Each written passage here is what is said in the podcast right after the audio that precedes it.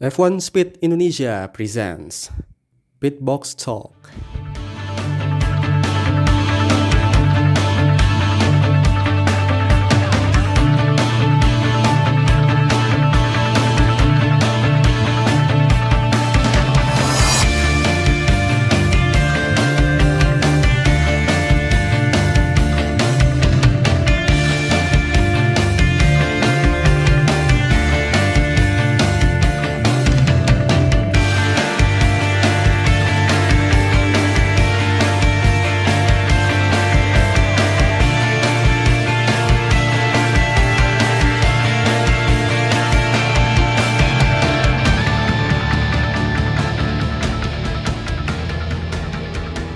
Hai semuanya para speeders di mana pun kalian berada Selamat datang di Pitbox Talk Kali ini bersama gua Alwi dan juga Azim Em, Sebuah minggu yang sangat menyenangkan ya eh, Bagi kita semua ya Azim ya sangat menyenangkan. Campur aduk sebenarnya. Iya iya campur aduk sih karena em, nggak akan menyangka akan serandom ini balapan ya Bener bener banget. Dan kalau misalnya kalian tidak apa yang kami bicarakan atau mungkin tidak menonton balapan kemarin, sesungguhnya rugilah Anda. Ya sangat rugi. Wah gila kecewa. Iya, karena memang di awal em, di awal minggu balapan di Hungaria kemarin eh, sempat kita ngomongin di ber- be- apa ya di beberapa post di Twitter, Instagram eh, kemarin sebelum gua join itu ngomongin ini enggak sih eh, cuaca? Iya sempat ngomongin cuaca yang kemungkinan hujan di hari Minggu. Nah, dan ya karena cuaca juga itulah yang membuat kita semua sangat-sangat ini ya, sangat-sangat em, ya ada keoptimisan gitulah, Hmm. keoptimisan dan juga eh, memang terbukti balapannya berlangsung sangat lebih dari sekedar eh, seru, tapi memang kayak tadi gue bilang random. Eh, kalau lu kalau misalnya suruh milih mana pa- balapan paling random dengan eh, cuaca yang sama, apakah di di Jerman 2019 atau yang kemarin ini? Wah sebenarnya emang sama-sama random sih. Tapi yang eh, paling nggak nyangka adalah eh, ya balapan kemarin di Hungaria itu eh, top guys pada pada tumbang juga kan. Eh, Mercedes dan Red Bull lagi lagi nggak tahu ke mana gitu di di awal-awal balapan. Em, dan yang dan yang menang benar-benar nggak nggak terduga sih eh, seorang Esteban Ocon di sebuah eh, mobil Alpine yang kami kira waktu itu eh, yang kita kira eh, bakal flop di balapan tapi ternyata eh, bisa eh, apa selamat dari insiden di lap pertama jadi eh, kudos to them. Iya iya dan ya itu itu yang kita akan em, bicarakan eh, nantinya em, setelah eh, balapan ini gimana ya? Gue gue juga gue juga nggak nggak nyatet nggak nyatet apa apa saking saking serunya nih balapan tapi gue berusaha untuk em, mereview kembali kita berusaha mereview kembali apa aja momen-momen terbaik yang eh, yang apa ya yang ada di Hungaroring Mhm. gitu. Mari kita lanjut soal ini yang pertama secara umum aja lah dari dari lu apa yang lu lihat Zim Eh, apa apa yang lu lihat lah secara umum gitu eh, pada balapan kemarin. Yang gue lihat secara umum adalah di- Ditya kemarin juga sempat ini sih me- mengekspresikan eh, ininya dia tanggapan dia soal eh, balapan kemarin lewat video YouTube. Eh, jangan lupa ya ditonton itu baru baru aja kita upload eh, dan jangan lupa subscribe. Em, itu eh, Hungaroring balik lagi ke ke apa ya ke tempat di mana eh, momen-momen ikonik tercipta gitu. Ini sekarang eh, kemenangan Esteban Ocon yang perdana eh, ada di Hungaroring plus drama-drama yang tersaji eh, ada di Hungaroring me- menjadikan bahwa sirkuit ini meskipun agak sulit buat eh, overtaking untuk nyalip-nyalip gitu. Cuman pasti ada aja drama eh, di di setiap balapan yang yang ada di di sini.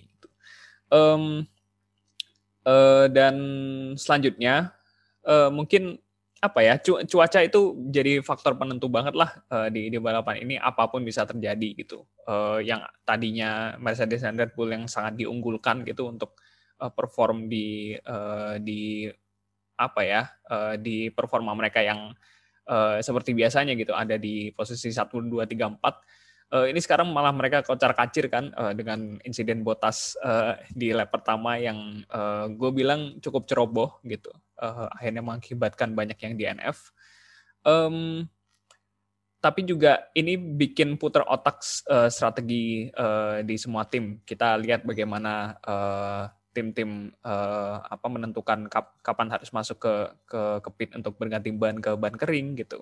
Uh, kapan harus uh, apa mempertahankan uh, posisi atau kapan harus mengorbankan posisi agar bisa me mengeksekusi strategi agar mereka bisa bisa uh, naik posisi terus gitu sepanjang balapan seperti Hamilton, yang Hamilton lakukan gitu.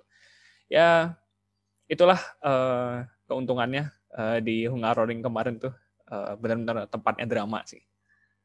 Iya iya dan ya kalau um, kalau secara umum ngomongin soal Hungaroring hmm. itu ya karena memang uh, secara atmosfer gue tidak terlalu jujur ya kalau gue lihat Hungaroring ini sebenarnya ya tidak terlalu berkesan lah kayak Imola gitu. Cuman ya. uh, kemarin sih benar-benar ngebuktiin gitu. Ya diuntungkan dengan cuaca uh, berubah-berubah gitu. Karena mm-hmm.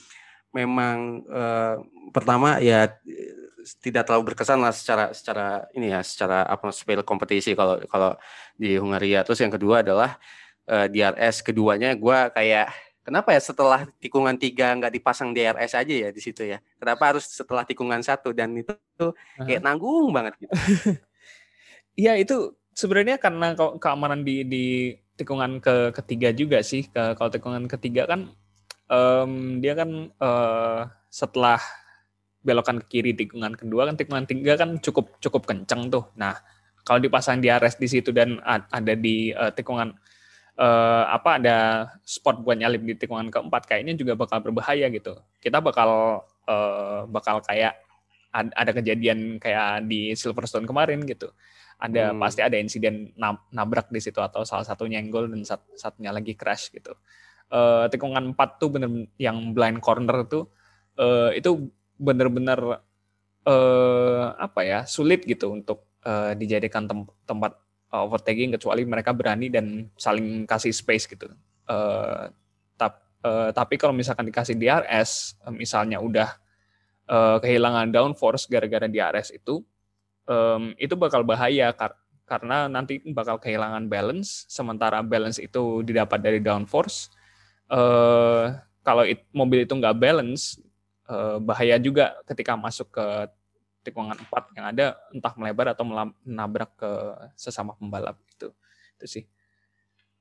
Iya, jadi ya ada mungkin ada pertimbangan sendiri ya walaupun uh, secara ya gue nonton secara awam hmm. lihat uh, Sekru Hungaroring naruh di RS kedua sih itu agak aneh juga kenapa kenapa yang setelah tikungan ketiga yang cenderung lebih panjang daripada di RS kedua kenapa nggak ditaruh di situ aja. Tapi ya yang terbukti bahwa penaruh apa ya e, menaruh DRS itu tidak segampang asal yang penting panjang ya ya kan? Iya benar dan uh, dan uh, gue pernah nulis ini di di ya uh, blog ya Medium. Uh, mungkin cek aja. Asik. Sekalian promosi lagi. Ya sih ya sekalian promosi. Gue gua nulis sebenarnya konteksnya ke ini sih ke Mandalika gitu kan. Banyak yang orang yang bilang Mandalika itu susah dibuat F1 karena uh, DRS-nya kurang panjang. Bro mas mbak kan uh, tidak harus uh, ya panjangnya pasti cuman uh, tidak harus garis lurus gitu dan ya itu juga dibuktikan di Hungaria di di RS keduanya gitu dan hmm. beberapa sirkuit lain juga yang uh, membuktikan bahwa tidak harus pan, panjang sepanjang mungkin atau lurus banget gitu uh, ada ada ini ada pertimbangan yang penting uh, bisa gaspol aja di situ gitu hmm. dan um, sebenarnya agak ini ya agak tricky kalau bukan tricky cuman um, kita sempat kebahas uh, cuaca kan. Tadi kan sempat uh, ngomongin soal cuaca. Uh, sebenarnya agak agak setengah benar sih karena agak meleset juga. Karena harusnya uh, ini enggak sih? Badai enggak sih setelah um, race itu? Maksudnya pertengahan race harusnya diprediksi uh, hujannya lebih lebat lagi gitu. Iya harusnya uh, agak emang agak meleset ya. Uh, kirain hujannya itu bakal awet uh, set, sampai setelah selesai periode red flag itu bakal hujan terus dan bakal bakal badai gitu. Tapi ternyata malah malah mengering setelah periode red flag dan ya uh, agak agak kecewa juga gitu hujannya nggak berlanjut karena kalau hujannya berlanjut bakal jadi teka-teki banget hampir sama kayak Jerman 2019 gitu. Cuman uh, ya udahlah uh, tetap banyak dramanya intinya gitu. Hmm, karena pas pas di uh, periode red flagnya itu pas cuaca cerah, uh, wow sangat ini ya, uh, kaget ya, wah cepet banget udah mah uh, udah mah langsung ada mataharinya kayak ngeresapnya tuh cepet gitu di lintasan tuh. Jadinya um, apa ya benar-benar um, ya lumayan kaget lah kalau gua sih tapi mm, tapi sebelumnya kita uh, lanjut maksudnya sebelum kita ngebahas lanjut lagi setelah red flagnya kita akan ngebahas bagaimana um, start yang sangat-sangat ini ya uh, karambol penuh bowling gitu ya. Iya benar benar hitungan pertama.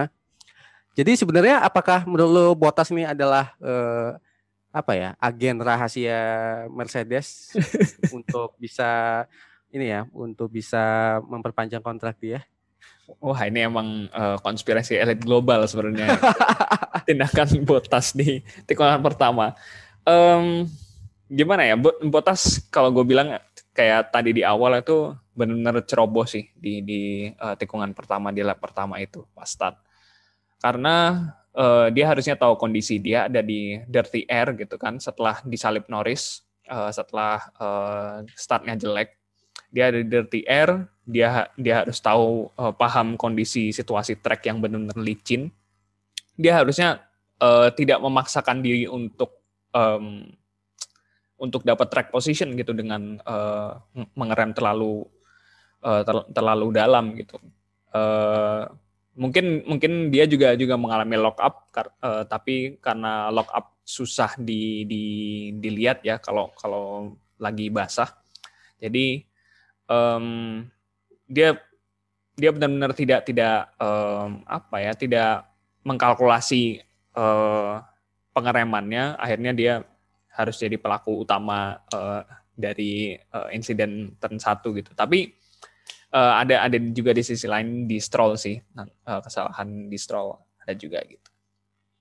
Dan kebetulan itu Botas yang melakukan ya. Coba kalau misalnya pembalap lain itu mah ya emang nggak terlalu gimana-gimana. Ini kan Botas ya. Jadi asumsi orang ke mana-mana kan. Iya, setelah setelah tabrakan itu orang mikirnya suzon mulu ya sama Botas banyak bantu yang kayak wah ini konspirasi nih ini oh, apa oh, bener bener bener agen rahasia Mercedes ini anjir apaan coba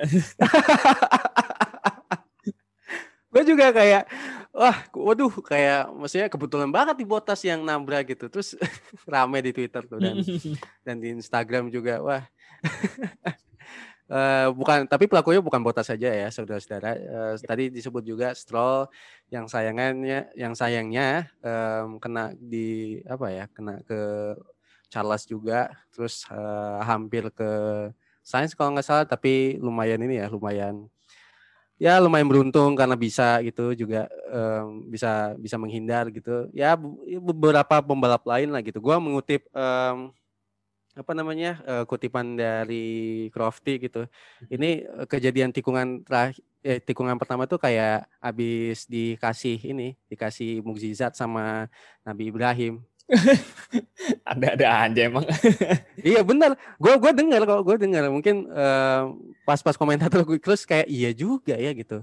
Dia dia konteksnya ngomongin Ocon kan langsung ke posisi kedua sama Williams kan yang bisa Latifi posisi ke-6, terus uh, Russell posisi berapa gitu. Pokoknya mereka top 10 lah gitu. Ocon juga kan. Hmm. Ocon tadi kan posisi kedua. Jadi istilah istilah dikasih mujizat di belah apa uh, lautannya itu benar gitu. Bener-bener. Dan uh, uh, dan akhirnya mau nggak mau uh, banyak yang keluar uh, banyak ya, enam ya. Uh, enam gak sih? Enam pembalap? Eh uh, iya, kira-kira segitu sih uh, kurang kurang tahun kurang hitung lagi tadi. Iya, uh, Norris kena, Charles kena, um, siapa lagi ya yang ada di kondisi Perez, Perez. banyak lah. Perez, ya Perez, terus Tadi gue mau nyebutin Mazepin tapi sebenarnya um, itu beda cerita ternyata. Gue baru ingat uh, pas di pit stop. Nanti kita bahas soal pas pit stopnya yang sampai Hamilton menjomblo di start. Terus uh, ya gitulah uh, Norris ya Norris akhirnya nggak bisa karena memang uh, suspensinya kalau nggak salah atau bagian mana yang rusak gitu. Terus hampir saja Verstappen ya DNF karena uh, floornya rusak. Tapi pas di pada saat periode red flag di lakban ya floornya Iya di lakban itu. Tapi uh, apa ya? Ya karena damage-nya udah gede banget hmm. gitu, uh, udah damage ulti lah kalau kata kata para gamer gitu. Udah udah hilang hilang banget tuh bargeboard sama sebagian floornya gitu. Jadi uh, udah nggak bisa ngapa-ngapain. Ya sempat terlepas juga ya pada saat keluar dari pit gitu ya. Iya benar-benar. Hmm, makanya uh, tidak bisa maksimal pada saat setelah red flag. Nah, ini kita kita bahas nih soal red flagnya nih. Uh, apa sih yang dipikirkan dipikirkan oleh Hamilton dan tim Mercedes pada saat memutuskan untuk stay out gitu. Padahal uh, cuaca udah membaik, terus sirkuit apa secara lintasan mengiringnya lebih cepat gitu. Hmm, apa ya yang dipikiran mereka? Sebenarnya kalau mengutip dari pernyataannya tim Mercedes atau Toto Wolff gitu uh, ketika post race, uh, mereka bilang bahwa uh, strategi untuk uh, memasukkan Hamilton ke pit uh, lebih lambat dari dari yang lain uh, adalah keputusan tepat. Kar hmm, karena uh, ban yang dimiliki dia ketika uh, keluar dari pit itu lebih lebih segar gitu lebih baru dan dibanding ke dibandingkan dengan ban-ban uh, mobil-mobil lain gitu. Jadi um, keuntungannya mungkin di situ walaupun uh, ya cuman beda satu lap doang sebenarnya gitu. Uh, tapi ya apa ya kalau kalau memang kondisi lintasan uh, baru baru aja cerah gitu kan uh, track kan belum belum 100% kering gitu. Masih ad, pasti masih ada uh, bagian yang masih menggenang atau masih ada bagian yang masih basah lah gitu aspalnya. Jadi uh, mungkin itu itu ada itu yang ada di pikiran Mercedes ketika uh, menentukan strategi untuk Hamilton untuk uh, ngepit belakangan Ya, tapi kalau misalnya lu bilang uh, masih ada yang basah gitu setelah setelah hujan deras gitu kan dan mataharinya udah mulai muncul. Tapi untuk ukuran gua kemarin tuh lebih cepet loh. Maksudnya gue juga kaget nah, iya. lihat lintasan lintasan apa ya? Lintasan di Hungar Hungaroring tuh kayak biasanya nggak secepat ini di sirkuit lain gitu. Apakah ini ini ini apa aspalnya baru nggak sih? Enggak ya?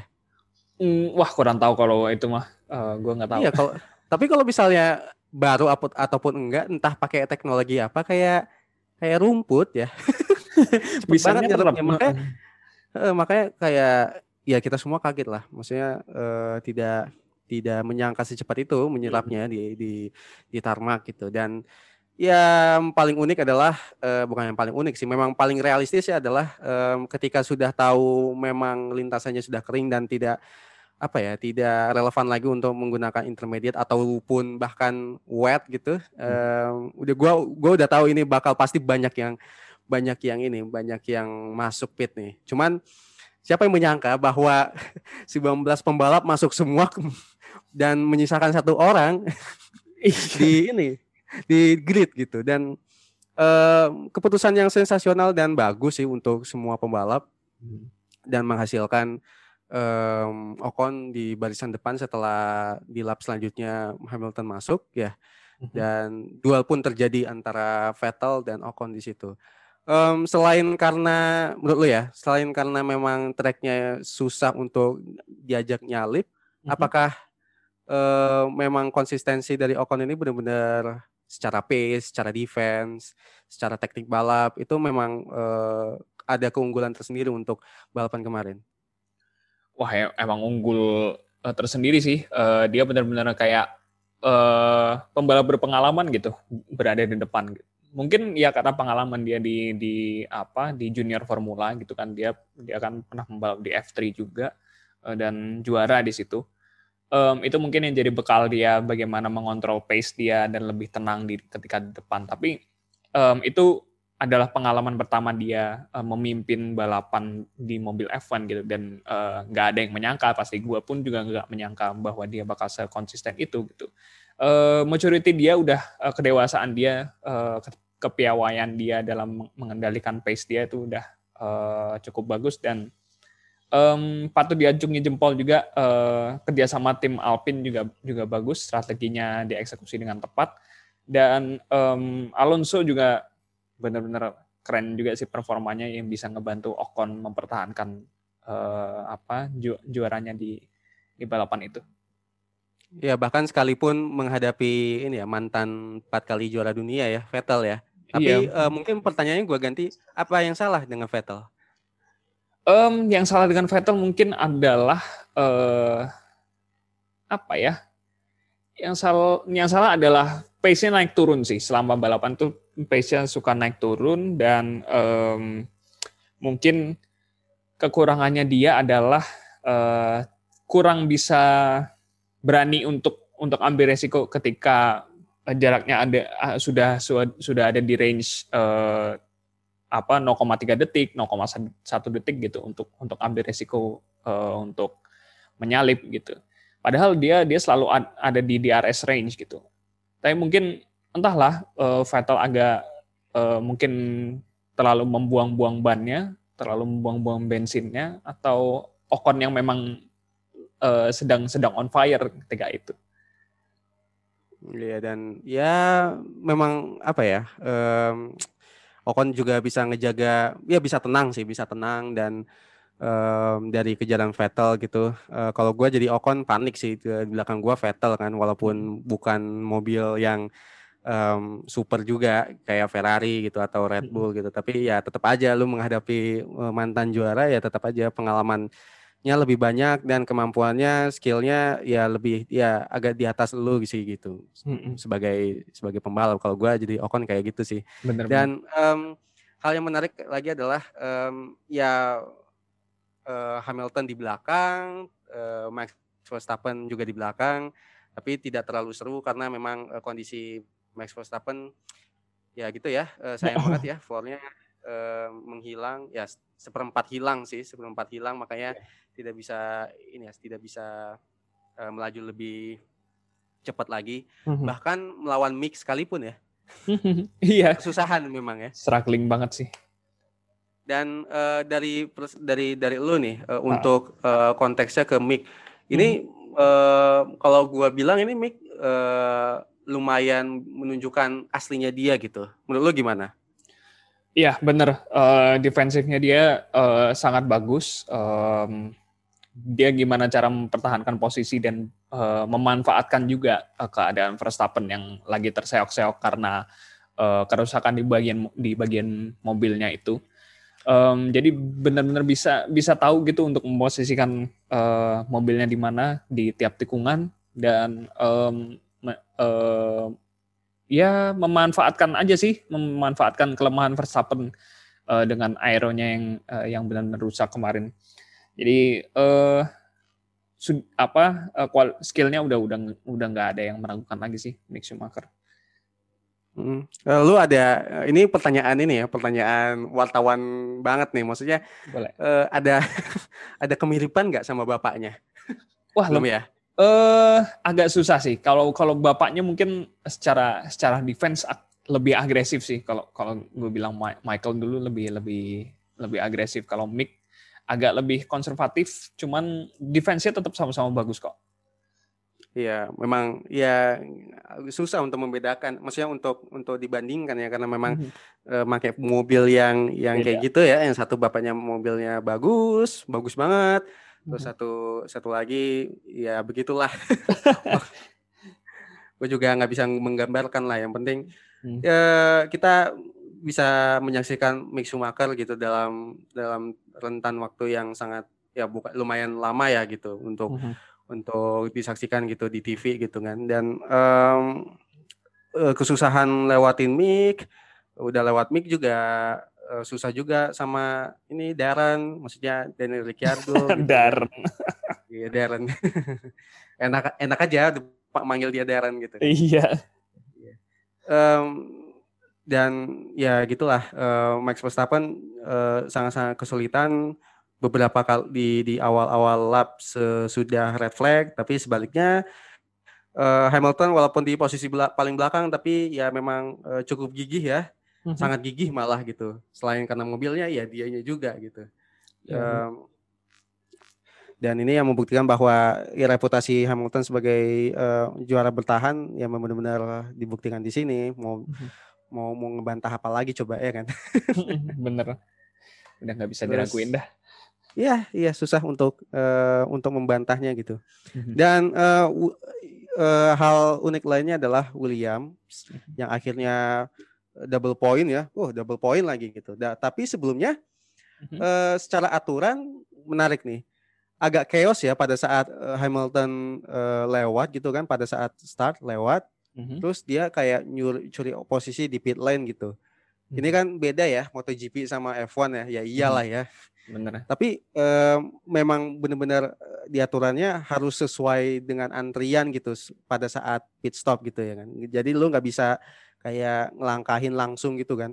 Iya, bener. Uh, uh, nggak nggak bisa kayak misalnya dia uh, mau uh, dirilis gitu uh, ke, keluar dari keluar dari pit boxnya um, dia uh, pembalap di belakang ketika ada mobil lain yang keluar di depannya gitu nggak nggak bisa menyalip gitu karena uh, pertama itu berbahaya manuver berbahaya di di uh, di pit lane dan itu bisa bisa dihukum penalti gitu oleh uh, Stewart Uh, dan kedua itu juga membahayakan uh, kru kru pit yang yang sedang bekerja gitu. Uh, kita kita kan tidak tahu posisi mobil di mana gitu uh, dan bagaimana cara cara mendahului di di pit lane dan pit lane itu sempit untuk mobil F1 yang begitu lebar. Um, jadi memang harus mengalah uh, ketika ada yang keluar di di depan kita gitu uh, dan harus tepat pada antrian. Uh, kalau tidak gitu akan dikenakan penalti. Dan itu juga terjadi pada saat Mazepin masuk, terus tiba-tiba Kimi Räikkönen keluar, patah suspensi, ya. kasihan tuh. tuh. Nangis banget padahal itu sebenarnya bisa bisa uh, ngelanjutin balapan dia cuman ya uh, Kimi udah di, dihukum penalti juga, jadi well deserved. Ya, iya memang kata-kata Rosberg juga ya textbook banget ini uh, penaltinya udah jelas ya kan. Oh ya, ngomong-ngomong soal Rosberg ini agak out of topic aja. Lo lihat uh, reputasi Rosberg sebagai komentator gimana kesannya? Wah, dia dia itu apa ya? Uh, kalau kalau sebagai komentator dengan David Croft emang emang bikin seru sih. Uh, dia dia bagus juga uh, apa phrasingnya gitu uh, ngeluarin frasa-frasa untuk yang bikin seru dan benar-benar ngebantu juga uh, di di ini uh, di F1 bareng David Croft. Jadi um, pengganti yang juga pengganti yang tepat uh, untuk Martin Brundle yang sedang entah tahu di mana gitu kan. Um, tapi uh, mungkin David Croft dan Martin Brundle memang duet yang susah dipisahkan sebenarnya. Cuman apa ya? Kalau misalkan dia ada di luar-luar uh, di luar komentator box gitu, uh, dia lagi uh, reporting bersama Sky Sports, dia suka manas-manasin gitu, suka manas-manasin antara Christian Horner sama Toto Wolff. Cuman kocak juga tapi uh, eh, gue suka dengan uh, apa kehadiran Rosberg di situ.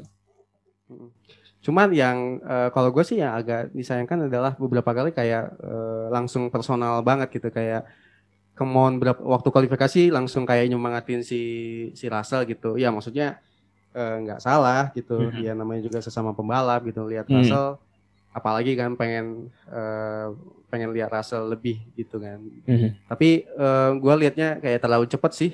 Terlalu cepat gak sih untuk untuk langsung kayak uh, apa ya uh, menaruh personalitinya di situ kalau gue sih gitu. Cuman selebihnya nah. ya seperti uh, komentator dengan latar belakang mantan pembalap ya kayak lu bilang gitu ya. Iya benar sih. Tapi ya setuju sih uh, dia harusnya uh, tidak ha tidak mengedepankan preferensi personal dia tapi uh, harus profesional gitulah. Hmm, iya, jadi ya itu sih uh, sekelebat soal Rosberg. Kalau misalnya kalian tidak ngeh kemarin tuh siapa yang komentator itu David Croft bersama, bersama dengan uh, Nico Rosberg. Kalau nggak tahu siapa itu Nico Rosberg, uh, itu dia adalah mantan pembalap uh, Mercedes, juara dunia juga, juara dunia yang uh, satu tahun kemudiannya langsung pensiun mungkin karena capek sama Hamilton ya. Iya mungkin. Panas-panasan sama Hamilton. Tapi kalau bisa ada yang nggak tahu siapa Nico Rosberg, ya udahlah, uh, memang harus uh, harus cari sendiri ya di internet banyak kok ya. Oke, okay, uh, tadi gue uh, sempat mention di Williams ya. Uh, Williams, um, balik lagi soal Williams, gue nggak uh, pertama gue nggak nyangka uh, bisa dapat poin double poin. Mm-hmm. Terus yang kedua adalah bisa ngelangkain Russell Latifi. Itu gimana ceritanya? itu dia itu gue gue juga bingung sebenarnya uh, Latifi itu ketika start itu gimana uh, dan Russell itu juga ketika start gimana um, cuman ya dua, apa dua apa dua pembalap itu bisa masuk poin dan bisa selamat dari insiden tuh keren banget sumpah itu uh, kita tepuk, patut tepuk tangan buat Williams iya sih hmm. atau mungkin memang pada saat kan dia setelah lompat di pit itu kan mundur lagi kan karena memang disuruh sama radionya kayak gitu mm-hmm. uh, itu memang aslinya tuh di belakang Latifi nih mungkin ya mungkin mm-hmm. makanya uh, Latifi di depan tapi nah uh, pertanyaan selanjutnya adalah kenapa lebih moncer, kenapa bisa atau bagaimana bisa Latifi lebih moncer mobilnya daripada Russell gitu. Atau mungkin Russell punya kesulitan sendiri kita nggak tahu ya. Iya, kita nggak tahu itu. Hmm, kita kurang tahu, tapi yang pasti adalah para penggemar Williams ataupun para penggemar uh, Russell, khususnya Russell, para penggemar Russell uh, ya berbahagialah untuk minggu ini karena nggak uh, tahu ya apakah di Belgia akan bisa dapat poin lagi tapi untuk musim ini uh, setengah musim ini setidaknya mari kita rayakan lah untuk penggemar uh, Williams begitu. Iyalah uh, 10 poin gitu di Constructor Championship itu udah lumayan banget dan ngelihat ekspresi Russell yang terharu gitu dan begitu selesai race di di wawancara gitu wah itu bener-bener menyejukkan hati lah. iya. Iya, iya, banyak yang nangis berjamaah ya pada saat melihat uh, interviewnya gitu kayak ya ya kapan setelah setelah dua setengah tahun ya katanya ya? Dua hmm, setengah hmm, tahun hmm. di Williams uh, ya berada di situ dalam keadaan yang terpuruk di belakang mulu. Musim ini dari musim lalu sih sebenarnya sudah menunjukkan uh, ada ada kenaikan uh, yang lumayan dari Williams dan akhirnya dibayar oleh poin uh, di Hungaria. Uh, hmm. double poin lagi sama Latifi. Latifi juga begitu tinggal menunggu Has apakah bisa meraih poin ya karena memang yang tersisa secara klasmen memang Has ya Has doang yang belum yeah. belum dapat poin sama sekali benar betul hmm. dan um, balapan pun nah ini nih yang kita harus bahas nih uh, dari pertengahan ataupun sepertiga sebelum apa ya um, sebelum balapan berakhir mm-hmm. nggak pernah ini ya Alonso uh, memberikan kita sebuah nostalgia ya Alonso sama Hamilton gitu ya. Gila sih. Dan dan akhirnya kita bisa melihat skill Alonso yang yang dulu kita kenal mm -hmm. uh, Dejavu Imola tahun 2005 6 Uh, iya benar-benar. Uh, 2005 2006 2006. Iya 2005. Eh 2005 2005. Oh iya 2005 ya. Oke okay, oke. Okay. Ya 2005. 2005 uh, tapi untuk kali ini ya perebutan posisi keempat tapi harus diakui uh, Mercedes bisa akhirnya bisa nyalip juga Alonso. Itu pun juga bukan karena benar-benar uh, strategi atau teknik dari Hamilton ya memang uh, kesalah ya sayangnya kesalahan uh, dari dari Alonso-nya itu mm. uh, lock up habis itu bisa dapetin momentum Hamilton dan bisa um, apa ya bisa bisa ngambil posisi keempat dan akhirnya uh, udah udah nggak ada cerita lagi bisa ngambil posisi Carlos Sainz juga dengan hanya dua atau tiga lap gitu ya. Tapi untuk Alonso sendiri tujuh lap itu wow. Keren banget parah tuh. Iya, memang rookie kita satu ini. rookie fenomenal memang. Rookie, rookie fenomenal, benar. Memang memang dia bisa membuktikan bahwa dia adalah rookie terbaik untuk untuk musim ini ya. Iya, betul. Tapi emang uh, ini ya uh, memanfaatkan kondisi Hungaroring sirkuitnya yang tidak terlalu bersahabat pada saat overtake atau memang uh, selebihnya memang kemampuan dia aja gitu ya Zim ya. Bener, uh, dia mungkin juga karena pengalamannya dia gitu um, selama membalap bertahun-tahun di Hungaroring, um, meskipun dengan mobil yang seperti Alpine, uh, dengan kondisi Hungaroring seperti itu uh, pengalaman dan skill dia gitu jadi satu itu jadi kombinasi yang sempurna akhirnya akhirnya dia dia menunjukkan sebuah atraksi yang luar biasa gitu. Uh, menahan tujuh kali juara dunia uh, berada di belakangnya sampai tujuh lap sampai benar-benar kesusahan untuk menyalip gitu.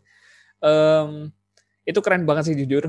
Alonso ternyata belum belum belum kehilangan uh, uh, sentuhan magisnya. Jadi uh, parah sih salut dan seru banget dan uh, bikin kayak apa ya ya bikin jantung berdebar sih ketika ngelihat itu. Alonso benar-benar tahu cara cara defense-nya wah keren. Hmm, iya. Ya dan, dan gue sebenarnya deg-degan karena Carlos kan maksudnya. Iya. tapi pada saat setelah lewat lewatin si Alonso gue wah langsung pasrah aja lah gitu.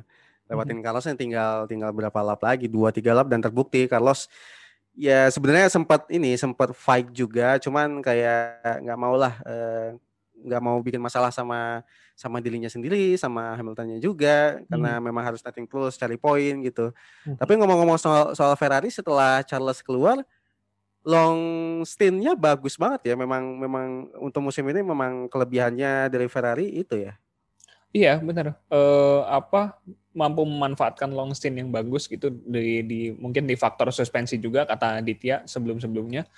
Uh, uh, itu yang jadi jadi bikin bannya nggak gampang aus gitu di uh, meskipun di temperatur se ekstrim Hungaroring kemarin gitu yang uh, naik turun suhunya kan uh, dan juga kemampuan Carlos Sainz juga yang bisa manajemen ban kita kita juga tahu gimana dia long stintnya performanya ketika di Austria yang juga uh, panas gitu uh, kondisi kondisi tracknya uh, Carlos Sainz bisa tahan 50 lap di di ban hard itu uh, luar biasa dan bisa menunjukkan skill uh, apa manajemen ban gitu. Jadi salah satu pembalap yang sangat pintar dalam menjaga ban selain Sergio Perez.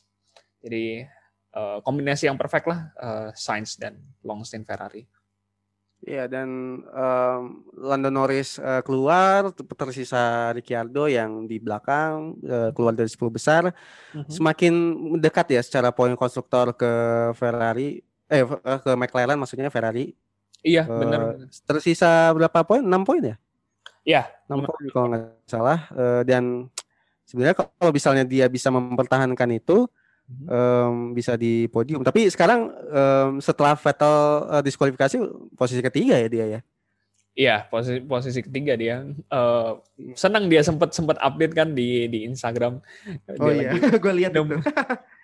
Eh, minum-minum uh, ya ampun tapi uh, Didi soal Vettel nih uh, gue ya gimana ya gue mengerti fans-fans Vettel yang loh kok dia didiskualifikasi gitu tapi um, dengan cara marah-marah ke FIA dengan sebutan seperti biasanya atau mhm. malah marah-marah ke Hamilton gue juga bingung kenapa marahnya ke Hamilton coba kenapa ya jadi diseret dia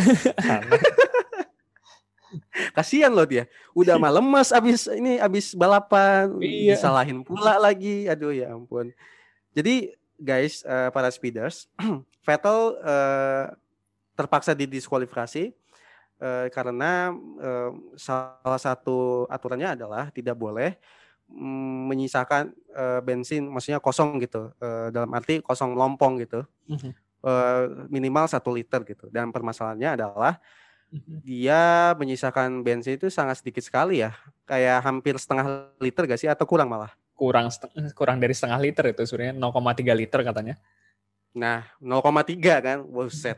Tiga, tiga berapa tuh mililiter gitu kan. Aha. Makanya eh, pada saat kemarin kita lihat mobilnya nggak sempat ini nggak sempat masuk ke performe karena ya itu udah habis bensinnya. Mm -hmm. uh, jadinya itu uh, kenapa harus ada aturan seperti itu karena bisa diperiksa um, apa namanya bensinnya ilegal atau ilegal gitu. Mhm. Nah sebelum kita bahas ke Vettelnya, gue mau nanya lagi nih ke lo Zim. Emang kenapa harus diperiksa apakah itu legal atau ilegal? Apakah itu memang berpengaruh pada mesin atau gimana?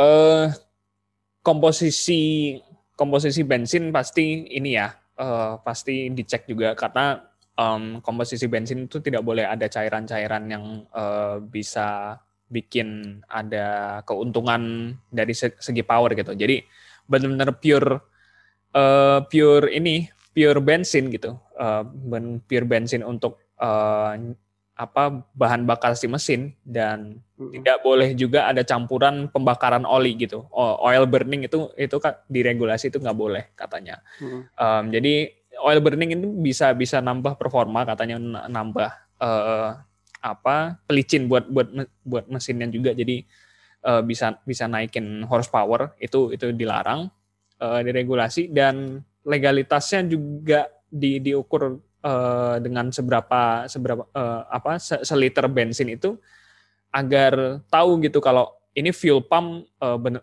uh, fuel pumpnya benar-benar di ini nggak benar-benar udah sesuai regulasi nggak? Kalau misalkan uh, dia me, memberikan sampel bensin yang kurang dari seliter itu berarti kan uh, berarti ada masalah gitu ada konsumsi fuel pump yang yang ini yang yang berlebih gitu uh, ada ada masalah di situ dan melanggar regulasi makanya itulah alasan kenapa uh, didiskualifikasi.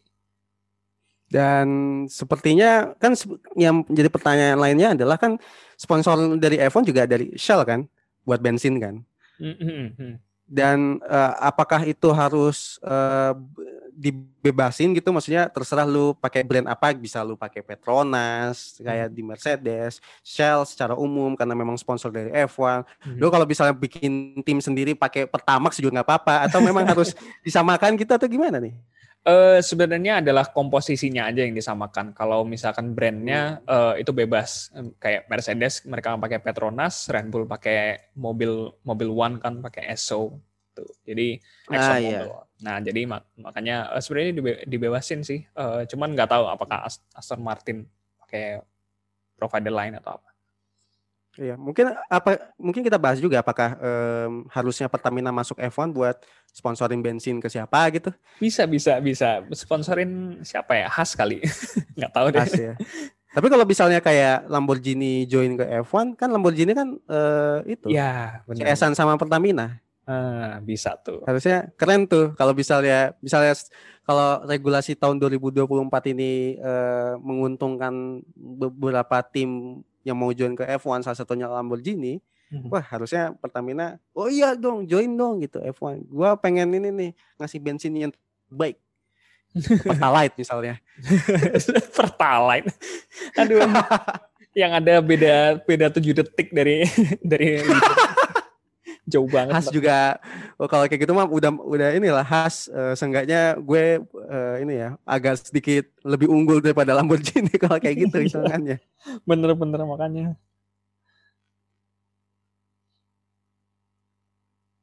Verifikasi dan menyerahkan posisinya ke Carlos Sainz. Sayang banget sih uh, Vettel gitu dan uh, lo lihat komen-komennya nggak? Maksudnya seenggaknya di IG gitu. Lo kan sayangnya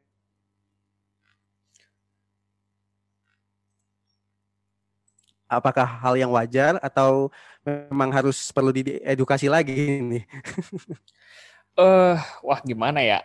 Um, mungkin entah ya, uh, mungkin mungkin perlu perlu ini perlu diedukasi juga bagaimana uh, mereka harusnya me melihat uh, keseluruhan informasi gitu ya, yang alasan-alasan uh, kenapa hmm uh, di diskualifikasinya Vettel, kemudian alasan-alasan uh, lain juga di balik itu gitu kenapa uh, legalitas bensin itu itu perlu gitu. Mungkin uh, kita harus sama-sama mendalami juga gitu uh, di balik hmm. aturan-aturan aturan uh, the rule of the game gitu.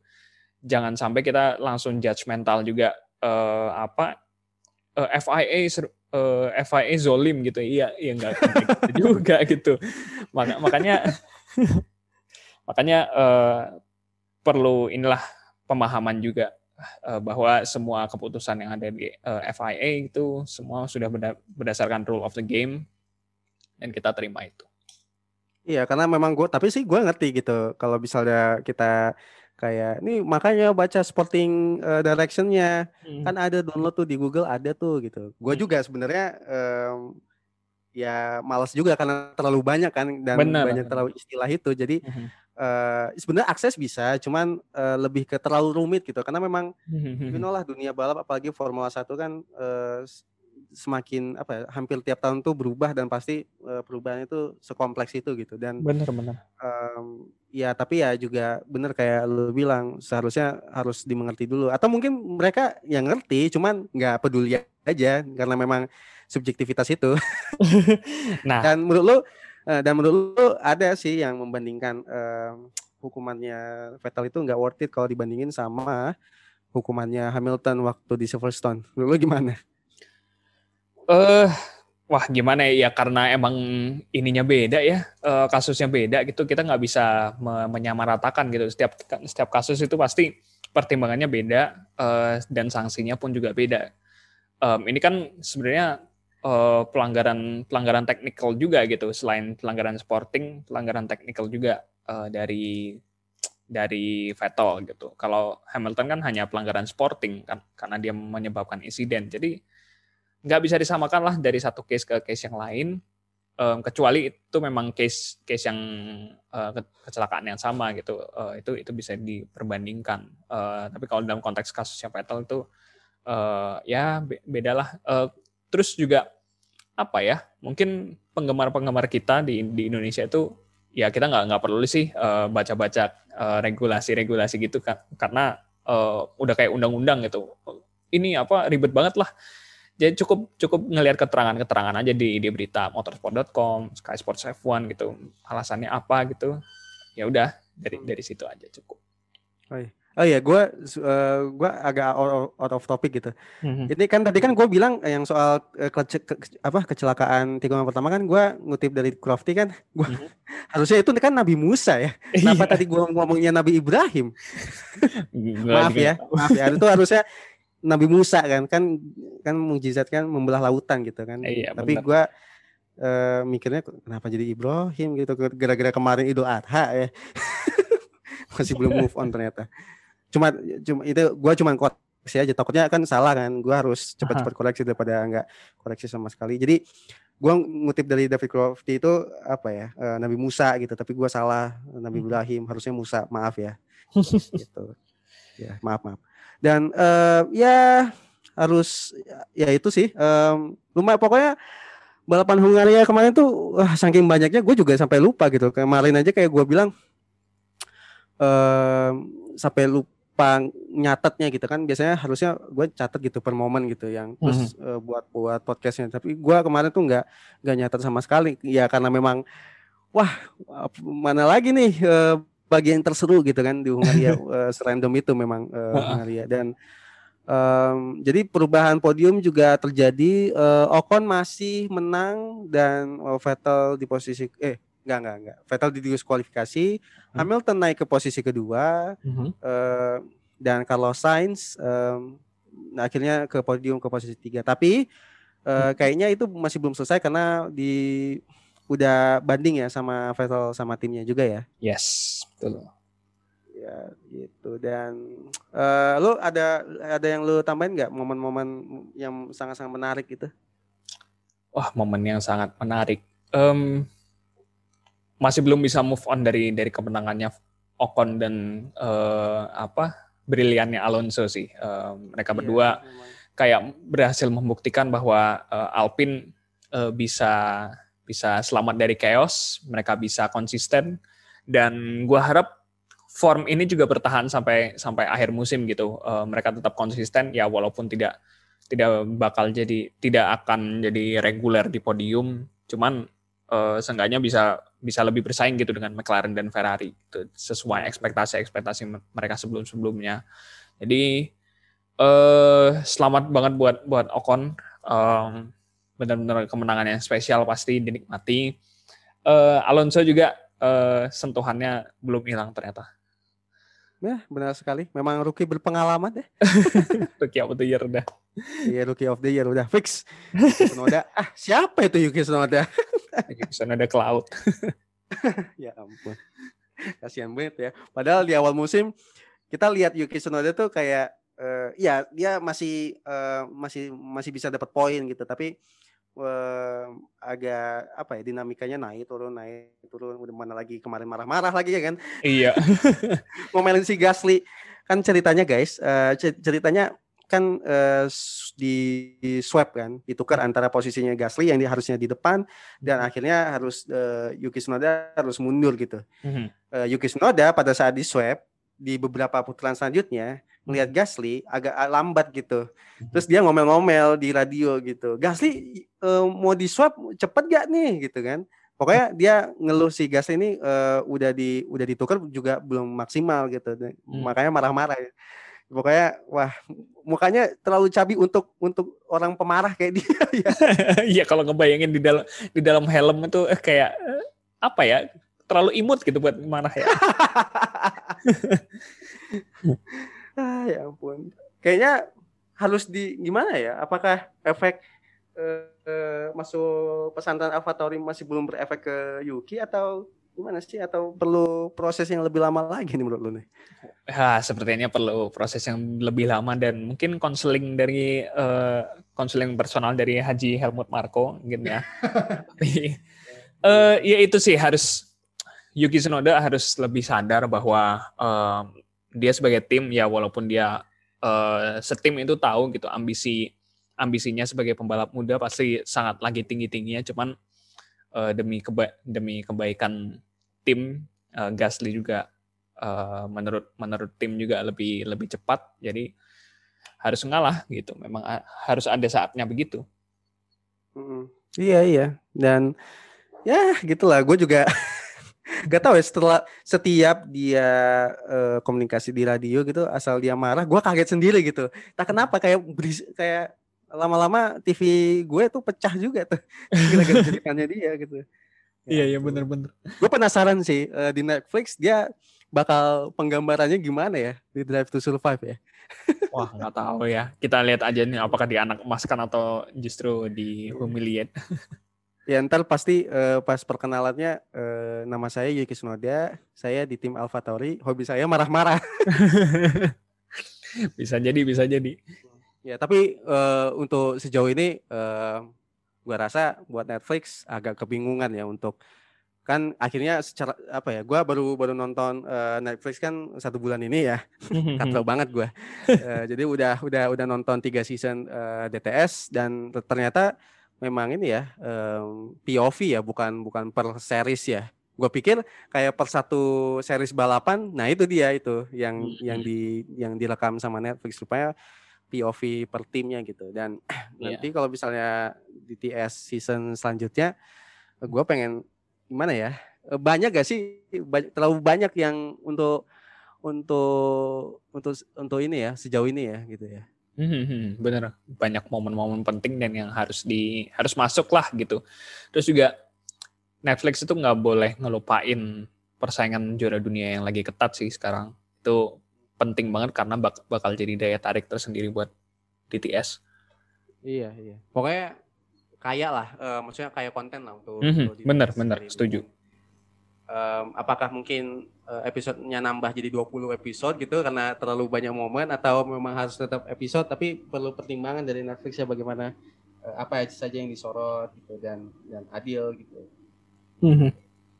Ya itu aja paling ya uh, yep. pembahasan kali ini. Wow, um, banyak banget. Pokoknya iya lumayan banyak sih dan dan ini juga nggak tahu harus harus ngebahas yang mana. Gue uh, gue nyat gue gue tadi tuh uh, pas kita ngobrol gue sambil nyatet nih poin-poinnya yang gue inget ya supaya nggak lupa nanti pembicaranya apa yang dibicarakan buat episode kali ini.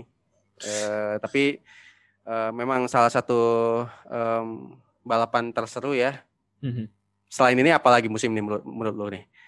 Yang sebelum-sebelumnya uh, Baku, Imola, Prancis itu juga lumayan lumayan seru. Uh, tapi yang paling yeah. seru sejauh sejauh ini ya uh, Hungaria dan Baku sih.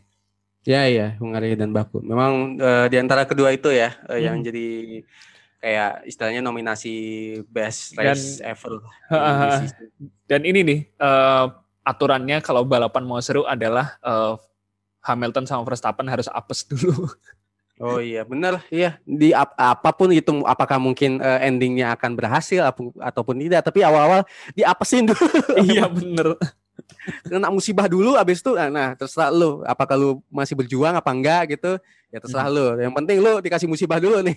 Iya bener bener tuh jadi uh, sekali lagi untuk um, klasmen poin saat ini um, untuk dari kategori pembalap uh, akhirnya mm-hmm. Hamilton untuk pertama kalinya sejak kapan ya bisa mimpin lagi uh, dengan selisih 7 poin.